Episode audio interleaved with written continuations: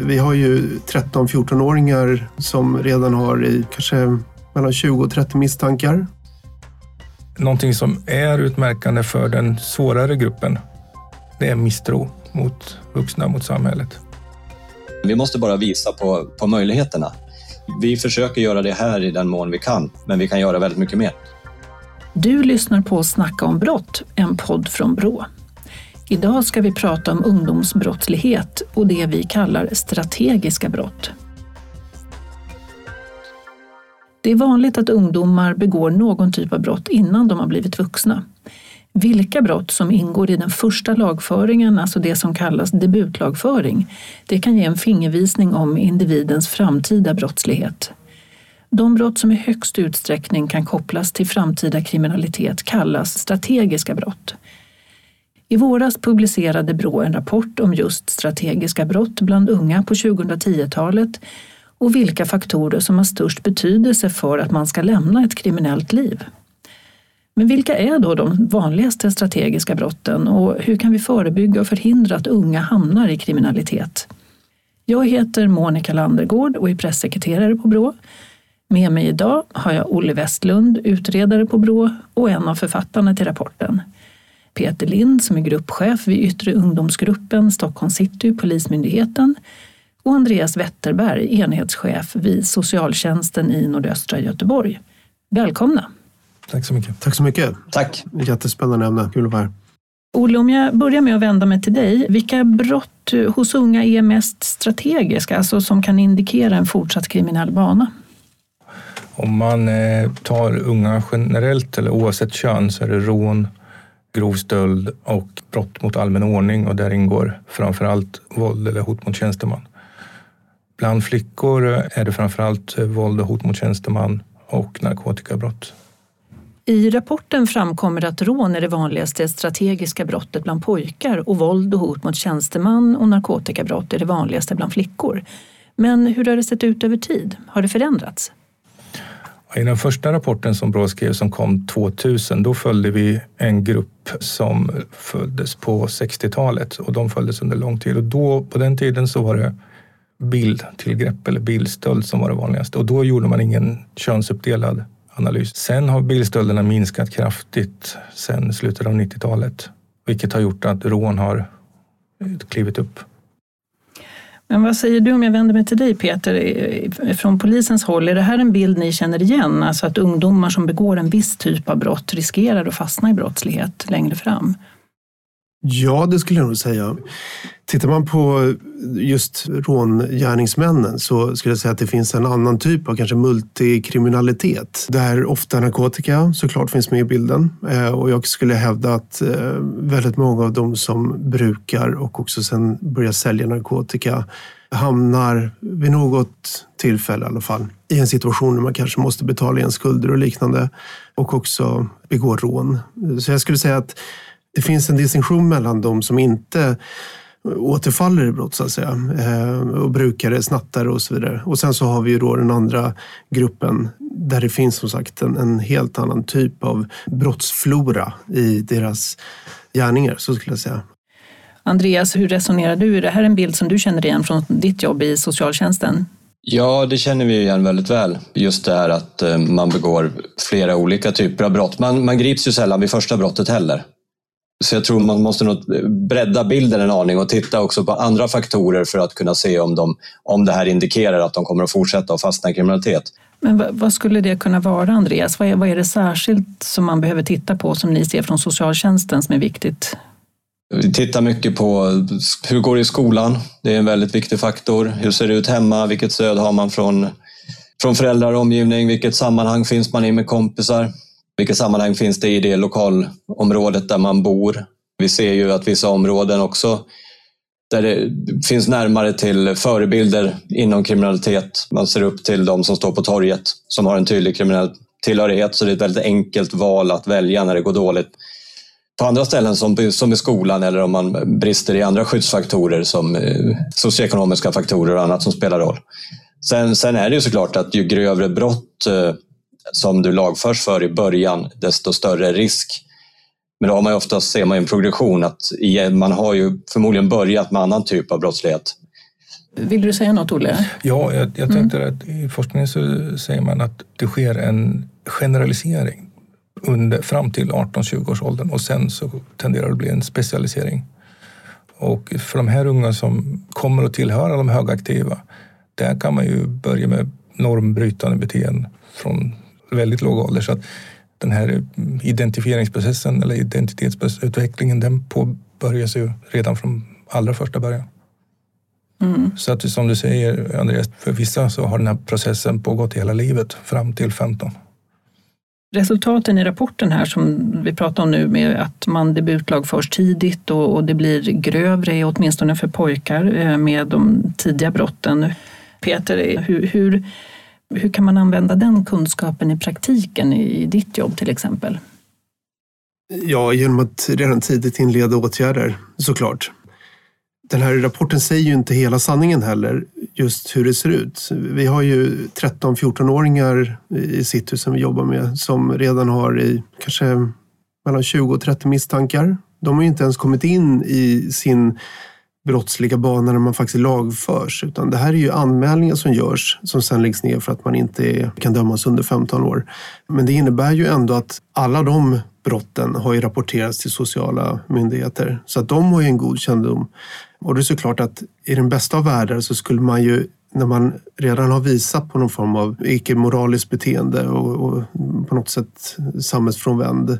Där ska ju, tycker jag, SOS kliva in och på ett tydligt sätt korrigera och åtgärda och ta till de verktyg som finns. Vi, polisen kan ju inte göra annat än att vi kan vara ute på fältet. Vi kan lagföra, eh, alfa skriva anmälningar och rapportera till SOS. Mm. Så jag menar på att det finns mycket att göra och det är här jag tror just det här med samverkan kommer in som är, så är superviktigt att det funkar. Funkar det inte idag tycker du då, eller? Jag är inte jättetillfredsställd av hur det ser ut.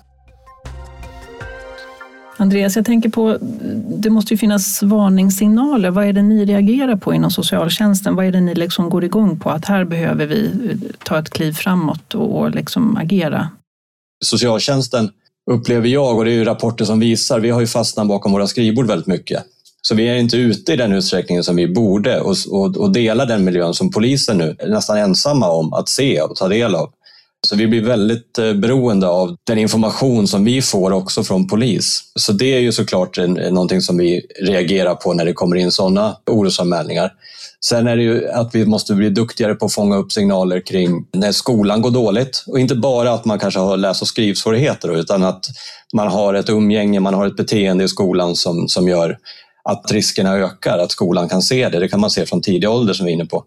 Vi kan också se att eh, vissa familjer, där återkommer kriminalitet i generationer, alltså med syskon, föräldrar, morbror, att det är en väldigt ökad risk när det finns en kriminalitet redan i familjen och det borde vi också kunna reagera och gå in mycket tidigare kring. Sen om vi ser att eh, vissa typer av brott nu då, att det indikerar risk för fortsatt kriminalitet, det tyder ju också på att vi är väldigt dåliga på att bryta det här mönstret. Och här behöver ju vi, både från socialtjänsten, hitta bättre metoder. Det är någonting vi jobbar med hela tiden för att möta de här ungdomarna, att hitta en drivkraft hos dem, att vilja någonting annat, eh, någonting vettigt. Sen behöver vi också, våra tvångsmöjligheter måste vi kunna utnyttja. Det har blivit vi tvekar väldigt mycket därför att SIS, Statens institutionsstyrelse, har extremt dåliga resultat. Det är väldigt få som kommer ut efter en, en, ett LVU och är, har genomgått en förändring på det sättet som vi kanske vill. Och då blir det nästan så att vi väljer att inte använda det. Det blir ju helt fel. Istället för att kräva och, och jobba aktivt på att se till att de metoderna som vi använder funkar bättre. LVU, ska du bara kort eh, förklara vad det är? Ja, lagen om vård av, av unga. I vissa fall tror jag det med heter. Det är alltså vår tvångslagstiftning där, vi har, där socialtjänsten eller samhället har möjlighet att, att med tvång låsa in barn och ungdomar på särskilda hem som Statens institutionsstyrelse eh, driver. En sak eh, du nämnde Andreas eh, som är högst relevant är ju det här vilken information man kan lämna mellan polis och socialtjänst och där släppte ju Brå tidigare i år en rapport som handlar just om det, informationsdelning mellan socialtjänst och polis. Och jag ska vända mig till Peter först. Hur tycker ni att det fungerar i praktiken inom polisen? Finns det några hinder, någonting som kan förbättras? Hur tänker du? Ja, nej, men min uppfattning är att allting kan bli bättre när det kommer till just den här delen. Och eh, jag tror att väldigt många tyvärr använder lagstiftningen utifrån sin egen tolkning. Vilket gör att med enskilda handläggare så kan det fungera väldigt bra. Och sen så finns det andra handläggare där det är locket på och man menar på att det är sekretess och att ingenting kan lämnas. Och jag tror att hade man liksom kunnat dela information på ett vettigt sätt där vi inte är så rädda eh, för vilken typ av information vi delar. Vilket jag menar på att lagstiftning ger utrymme till. Så tror jag att vi skulle nå i hamn mycket bättre än vad vi gör idag. Men vad är bromsklossarna? Varför funkar det inte menar du? Bromsklossen tror jag är just att folk inte vet, eller folk, enskilda myndighetspersoner inte vet hur man ska hantera lagstiftningen. Och jag kan, det kan mycket väl vara så att jag har läst lagstiftningen utifrån så som jag tror och tycker att det är.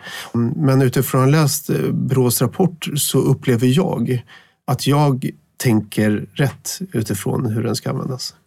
Du skulle vilja dela eller att det var möjligt att dela mer information helt enkelt? Jag tycker att den är supertydlig. Jag, tycker mm. att, jag läser mig till att när det finns en risk för att unga ska hamna i kriminalitet så finns det en möjlighet att bryta sekretessen. Jag, för mig är det jättetydligt och det är precis det, är det hela det här samtalet handlar om. Och vi har just också kommit fram till att till exempel rån olika andra typer av brott tenderar i högre grad att leda till, till kriminalitet och ökad risk för död och så vidare, vilket är ju allt det som vi strävar efter att jobba mot. Så att säga. Andreas, har du några eh, synpunkter på det? Eh, informationsdelning i förebyggande syfte mellan polis och socialtjänst. Hur, hur tänker ni kring det? Det är ett problem att vi inom socialtjänsten så, så lär man sig eh, tidigt att vi har väldigt stark sekretess och att vi i stort sett inte får säga någonting. Och när det då kommer in unga medarbetare så, så fastnar den här rädslan. Man är orolig inom socialtjänsten generellt för att man, vad får man säga och man är, det finns en väldig osäkerhet. Och jag håller helt med om att det finns jättemycket sekretessbrytande paragrafer som är möjliga att använda i sekretesslagen. Ett stort problem är vi får ju bryta sekretess om, vi, om man gör en så kallad menprövning. Man ska liksom pröva om det är till men för ungdomen i det här fallet. Och om vi får då reda på att den här personen eh, begår brott eller befinner sig i en sån miljö och vi berättar det för polisen, då riskerar den här ungdomen att gripas för ett brott, att lagföras. Då blir det nästan en personlig tolkning hos varje handläggare. Är det här till gagn eller är det till men för den här ungdomen? Jag menar ju att det är självklart att vi måste använda samhällets eh, instanser, alltså att polisen måste agera om det är brottslig verksamhet. Men vi kan ju, det kan ju också finnas de som anser att det är ju till jättestort men för den här ungdomen att polisen blir inblandade. Och då, då, säger man ingenting. Så det här, vi måste lyfta det här från enskilda handläggare eller medarbetares åsikter. Utan vi måste ha en diskussion där vi klart och tydligt säger att här bryter vi sekretessen därför att här måste polisen veta det. Det var ju en av huvudresultaten i Brås rapport, just att ehm, man har för dålig koll helt enkelt på vad som gäller kring den här sekretessbestämmelsen. Så risken kan ju bli att man lämnar för mycket information eller för lite information. Men det låter, Andreas, som att din bild är då att man istället landar i att man ofta lämnar för lite information. Vad, vad kan det finnas för risker med det? Ja, men just det som att då blir ju den här samverkan inte samverkan på riktigt. Det blir ju att, eh, att vi lyssnar kanske, vi försöker höra vad andra säger men vi ger ingenting tillbaka. Och då, då slutar ju den andra personen till slut, eller den andra verksamheten, att dela med sig. För får du aldrig någonting tillbaka, så är det ju var du än är i livet. Du har ju ingen lust att umgås med folk som inte ger någonting tillbaka. Så vi måste hitta ett sätt där vi kan prata med varandra på ett rimligt sätt. Det här handlar inte om att dela med sig av detaljer eller integritetskränkande information på annat sätt. Och vi ska inte sitta och läcka på bussen utan det här handlar om att myndigheter emellan kunna prata för att göra det bästa möjliga för de vi är till för. Men jag tror vi måste, det måste komma tydliga riktlinjer att det här är man riskerar inte att få sparken eller det sitter inga poliser och lyssnar på socialsekreteraren om de råkar säga någonting vid något tillfälle. Alltså sekretesslagen har byggts upp som ett jättehinder för socialtjänsten. Att det är jätte, jätteallvarligt om vi delar med oss om något som vi inte får. Och vi måste, då måste vi också tydliggöra var, var gränserna går. Vilk, vilket spelutrymme finns det här? Men säg att man nu har identifierat en ungdom som att den är i riskzonen och den, eh, man har fått en massa varningssignaler. Hur lätt är det att hjälpa ungdomar egentligen? Jag vänder mig till Peter nu. Alltså, vill alla ha stöd och, och så. Hur, hur, hur, funkar det? Nej, såklart att alla inte vill ha det. Och ungdomar är ju ungdomar. Ungdomar förstår inte alltid sitt eget bästa och det är därför de är ungdomar. Jag tror ju att jag märker individer som vi har i vår miljö där jag är övertygad om att de skulle kortsiktigt, innan de börjar liksom jobba med, med vårdande insatser, lyftas ut från den miljö de är i. Den är ju direkt eh, negativ för väldigt många av dem. Så här måste det finnas möjligheter, menar jag, på för SOS att kunna agera på ett annat sätt än vad man gör idag. Föräldrar superviktiga. De är ju otroligt viktiga. Jag samtalar ju varje vecka med flera, framförallt mödrar, eh, som sliter ihjäl sig för sina barn. Men de når inte fram. Så familjen är ju inte alltid den bästa för en ungdom som är i kris. Och det här är också någonting som jag har fått till mig från socialtjänsten i Stockholm. Att vissa socialtjänster, det är liksom ett ledord, att familjen ska värnas. Och ibland så behöver man en paus från familjen för att kunna hitta sig själv. Kanske för att hitta en motivation till att liksom skapa förändring. Så det behöver inte alltid betyda att familjen är dålig, men jag tror på just det här att lyfta ut ungdomen, tror jag är jätteviktigt. Och sen såklart, man måste ju hela tiden, och det här måste ju vara den vårdande instansen som gör liksom att försöka få ungdomen att hitta en motivation. Och det handlar supermycket om att stärka skolan. Alltså det måste finnas personal som blir över för att hela tiden kunna jobba med motivation för, för sina ungdomar.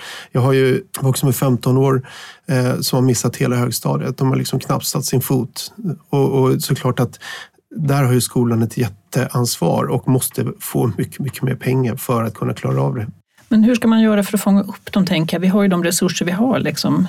Ja, det här är ju kanske en, ett, en grundproblematik. Att ungdomar är otroligt oattraktivt för politiker att satsa på för det kostar så sjuka summor pengar.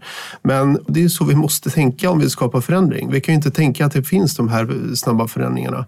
Och nu är det en summa som jag inte kan bekräfta, men, men jag har hört att en grovt kriminell kostar samhället i runda slänga 30 miljoner under sin liksom, kriminella bana. Så det finns ju sjuka pengar att spara om man gör rätt satsningar.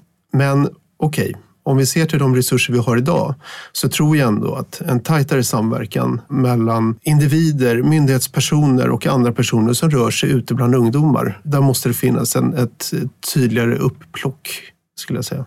Andreas, vill du lägga till någonting där?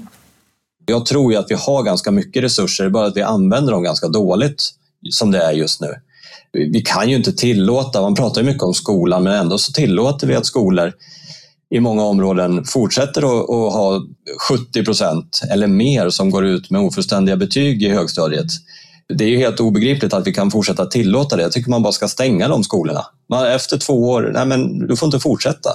Det är, det är, det är för stora konsekvenser för samhället att, att tillåta det här år efter år. Vi måste jobba väldigt, väldigt aktivt med de medel vi har även om de kostar pengar. Alltså det är också en sån fråga. Då. Alltså de här tvångsvården kostar extremt mycket för kommunerna. Och, och då läggs det som en, på kommunerna som, som en kostnad, även om man subventionerar en aning från staten. Så vill man på riktigt lösa det så, så gör man någonting åt de här institutionerna som har varit i media. Det är, de har utmaningar som de behöver jobba med. Men man, man ser också till att, att kommunerna inte behöver tänka ekonomi, utan man ska utgå från socialtjänstlagen. Och tittar du bara på den då skulle vi omhänderta och agera kring väldigt många fler än vad vi gör idag. Nu är det väldigt mycket titt även på, på planboken. Mm. Om jag bara får bryta in en, eh, ytterligare en grej som jag kom på så, som ju är jätteviktig och det är ju ideella föreningar såklart. Alltså jag, jag tror jag tycker mig se alltså, ungdomar som är fast i en sport eller en aktivitet skulle jag säga, i mycket högre grad klarar av saker och ting på ett bättre sätt och får en mer lyckad liksom, eh, framtid om vi ser till det sociala och skolor och så vidare. Jag vill hålla, hålla med. Jag det är jätte, vi ser det, vi jobbar väldigt aktivt vad gäller gymnasieungdomar. För 16 eh, ja, till 22 år, ska jag säga, det är en väldigt, väldigt svår målgrupp. Man är odödlig, man är kanske som mest brottsaktiv just då. Föräldrarna har mindre att säga till om och där måste vi hitta ungdomarnas egen drivkraft. Och då är det ju så att även om du är i den här kriminella miljön så är det väldigt många som ändå någonstans där inom sig tänker och har fostrats i att när de är stora ska de ha jobb och, ska de ha jobb och lägenhet som alla andra. Mm. Eh, så att det går att hitta den. Vi måste bara visa på, på möjligheterna och det gör det praktiskt, inte bara prata om det utan också visa men här skolan funkar inte för dig, men vi kan, vi kan möjliggöra den här sysselsättningen, den här praktiken, den här vägen framåt. Och vi kan också möjliggöra olika fritidsaktiviteter och sam, nya sammanhang. Vi måste aktivt jobba med det och det, vi, vi försöker göra det här i den mån vi kan, men vi kan göra väldigt mycket mer. Och i samverkan. Och jag tänkte precis bolla över till Olle här. Vad, som var en av författarna till Brås rapport. Vad liksom, vilka drivkrafter är viktiga för att få en ung person att lämna ett kriminellt liv? Man ska sen skilja mellan de som har en lång identifiering bakom sig redan och de som hamnar i trubbel i, i inledningen till tonåren. Inledningen till tonåren är jätteviktig därför att det är i den åldern som det starkaste inflytandet inte längre är föräldrarna utan kompisar. När det gäller då de eh, som hamnar i problem i samband med tonårens inledning.